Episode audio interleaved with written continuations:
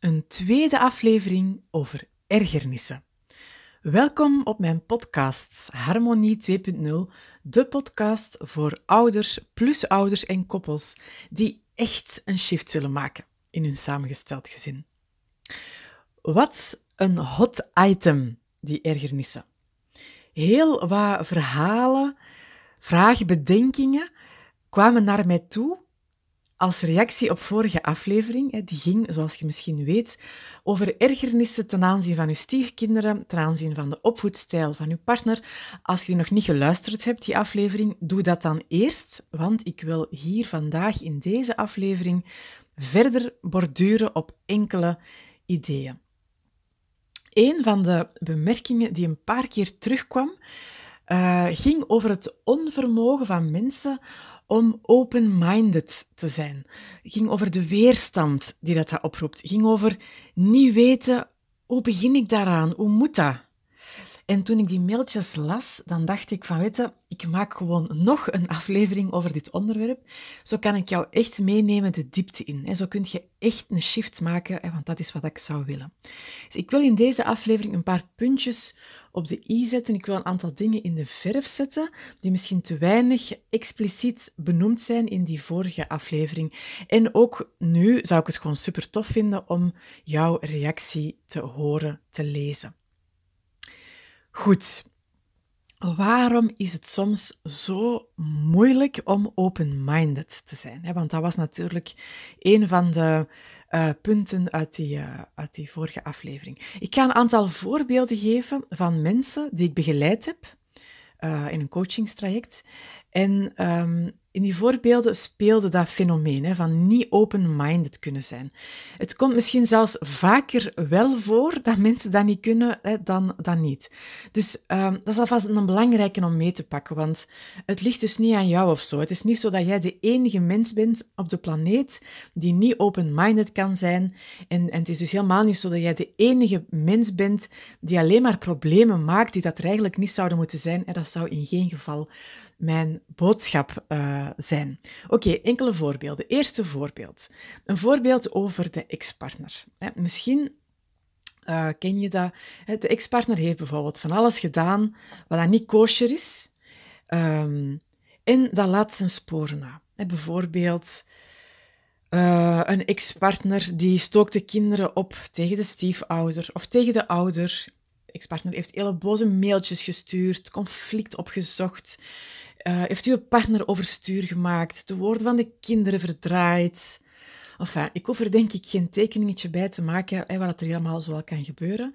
Dus stel dat dat het geval is, ja, hoe ongelooflijk moeilijk kan het dan zijn om bijvoorbeeld als plusouder naar de kinderen van uw partner te kijken? Je ziet die ex-partner in hen, je hoort haar stem in hun woorden, of, of zijn invloed in hun daden. En hoe moeilijk hè, om dan de waarde te zien in de opvoed, opvoedcultuur van dat ander huis. Super moeilijk, want alle uitingen, alle verschillen, alles wat nog maar een klein beetje wijst naar die ex-partner, doet jou misschien al huiveren. En probeer dan maar eens open-minded te zijn. Tweede voorbeeld. Van een hele andere slag. De vorming van een samengesteld gezin, dat is soms enorm complex.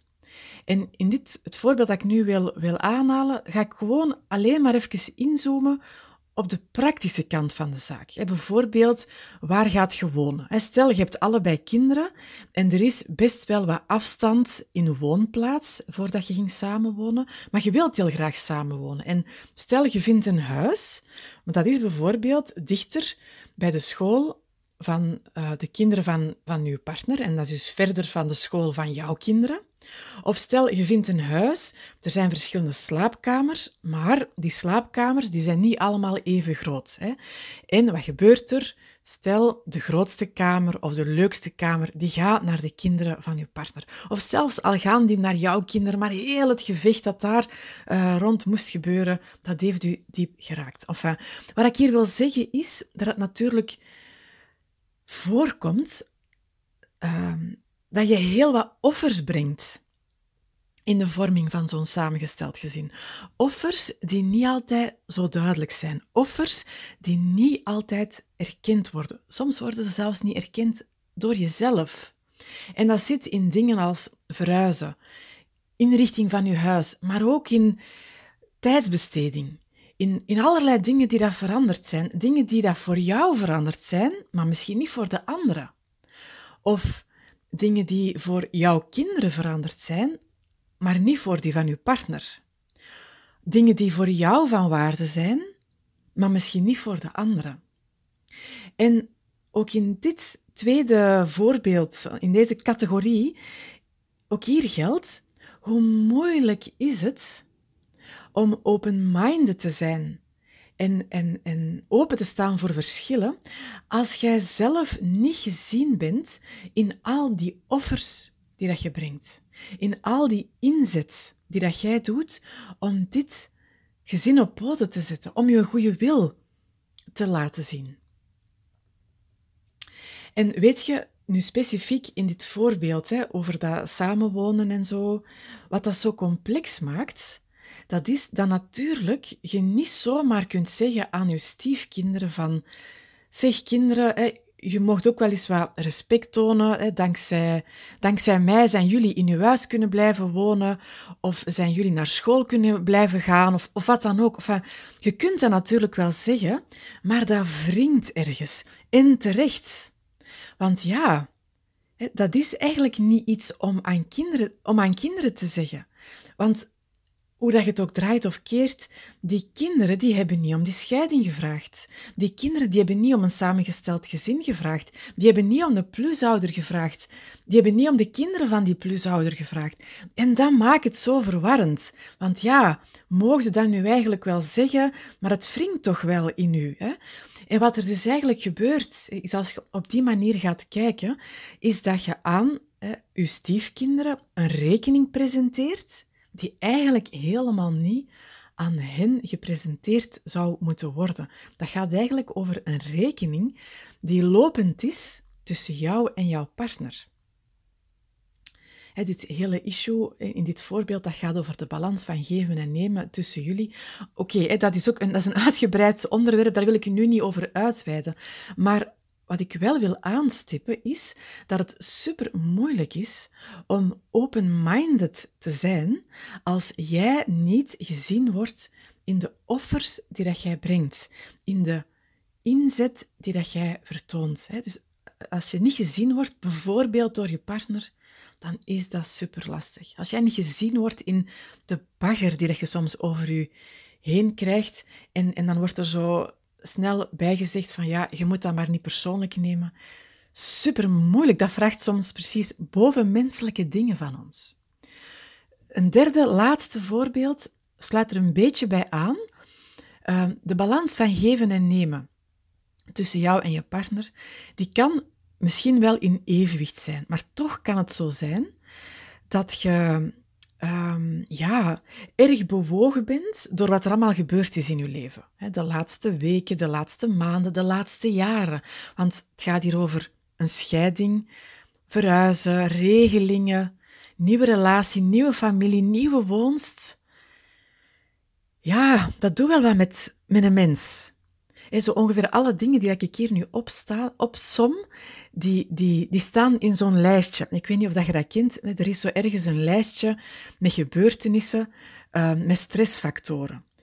En uh, dus al die dingen, al die, die veranderingen, um, ook al sta je daarachter, hè, ook al gelooft je nog steeds oprecht dat je goede keuzes gemaakt hebt, ja, dat zorgt wel voor stress. Dat kruipt op den duur in je kleren. En dat maakt dat innerlijke bandbreedte, om het dan zomaar even te noemen, dat die kleiner wordt. En dat is natuurlijk niet bepaald helpend om open-minded te zijn, natuurlijk.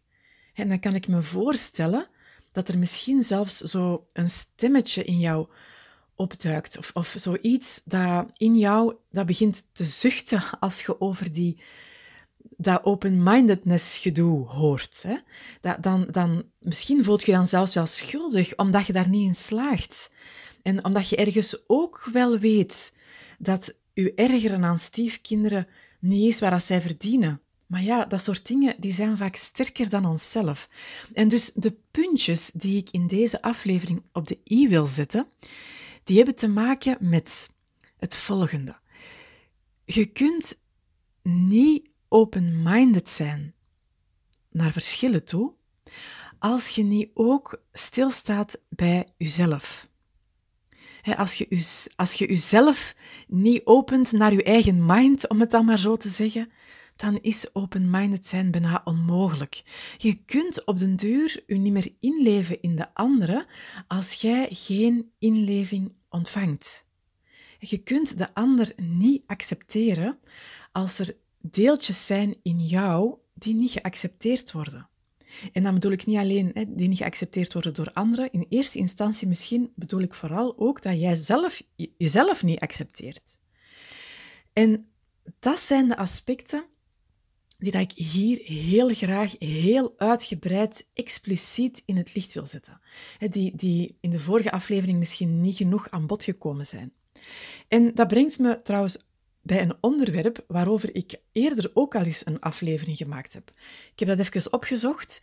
Um, uh, aflevering 8 hè, van deze uh, reeks, Harmonie 2.0, uh, die, heeft, die heeft als titel iets met de sleutel tot transformatie.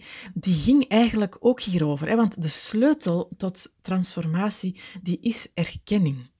En jij hebt erkenning nodig voor wat er gebeurd is voor wat, er, voor wat jij gedaan hebt, voor wat jij gegeven hebt, voor wat jij doet, voor wat jij laat. Want dat zijn eigenlijk allemaal vormen van inzet die niet altijd zo duidelijk zichtbaar zijn.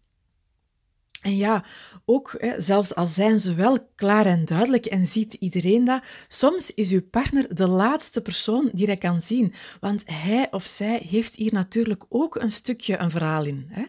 Hij of zij uh, heeft ook natuurlijk eigen zorgen, uh, zit ook met hoe is dat voor de kinderen?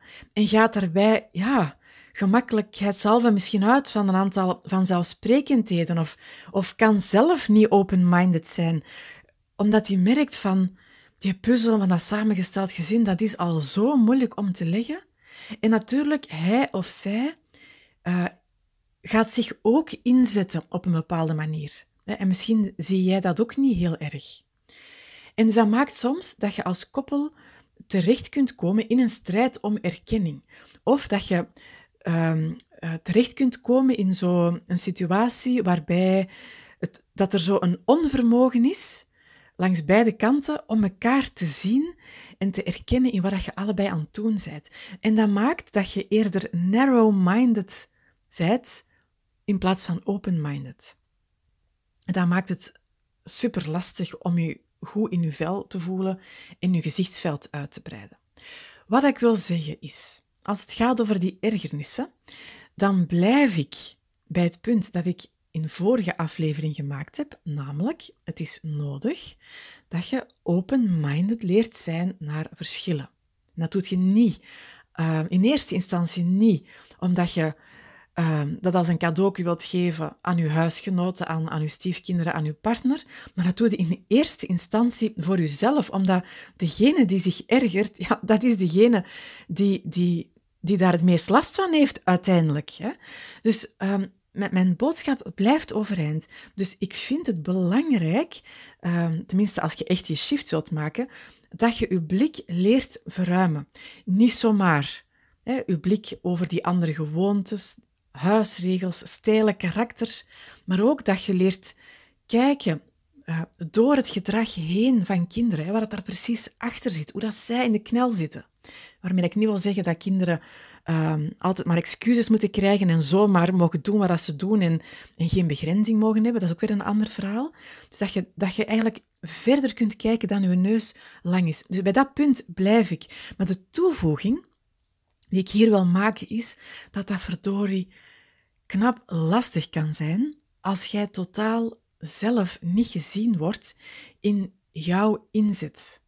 Of, in de inzet van jouw kinderen, of in wat dat jij allemaal al over je heen gekregen hebt. Dat soort dingen. Dus daarom een suggestie.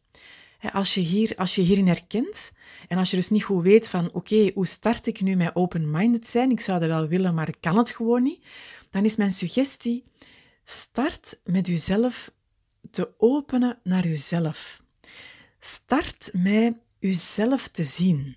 Start met te zien wat je allemaal doet, wat jij laat, wat je geeft, offert. niet om dan daarna in tranen of vol um, wrok zo een lijstje onder de neus van je partner te wrijven, zo van zie een keer wat allemaal doe. Maar start, start met jezelf te zien en start met je hart daar voor jezelf te openen. Ik kan dat echt niet genoeg benaderen. Dus ik heb echt zoiets van, ah, lieve ouder, lieve plusouder, alsjeblieft, zorg goed voor jezelf. Want als je echt een shift wilt maken in je samengesteld gezin, en daar ga ik vanuit, want daar, daarover gaat deze hele podcast, daarover gaat mijn werk, ja, dan wordt het zo cruciaal dat je steeds meer, steeds beter beseft dat jij het instrument bij uitstek bent. Dat jij degene bent die verandering in gang kan zetten. Dus zorg goed voor jezelf. Zie jezelf. Erken jezelf. En ik wil niet zeggen dat je dus alles uit jezelf moet halen. Hè. Heel de tijd zeker niet, hè, want ja, dat houdt geen mens vol. Hè. Op een duur zijn dan uitgeput. Maar wat er gebeurt is dat de mensen rondom jou, jouw dierbare, jouw partner, die zitten hierin soms zelf geblokkeerd. Net, net zij kunnen niet zien wat dat je allemaal doet, of kunnen dat niet over hun lippen krijgen, omdat ze zelf betrokken partij zijn. En dat is zo belangrijk om te zien als je last hebt van een aantal dingen, als jij lijdt onder een aantal dingen, als jij denkt van shit, ik zit me hier te ergeren en zo wil ik niet zijn. Dus het gaat niet over of-of, het gaat over en-en. Het gaat over en het is belangrijk jezelf te zien en het is belangrijk om de ander te zien. Van het een komt het ander. Dus maar start met jezelf te zien. Dus ik herhaal daarom mijn statement uit vorige aflevering.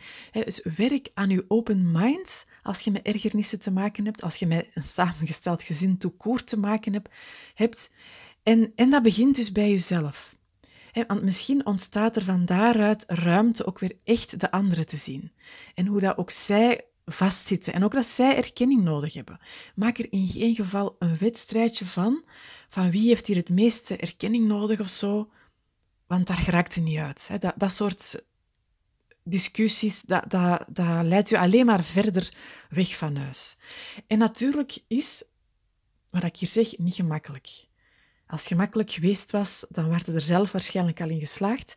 Natuurlijk hebben we ook allemaal blinde vlekken. Hè. Ik zie niet waarom dat, dat bij u anders zou zijn dan bij mij of dan bij de mensen die ik al begeleid heb.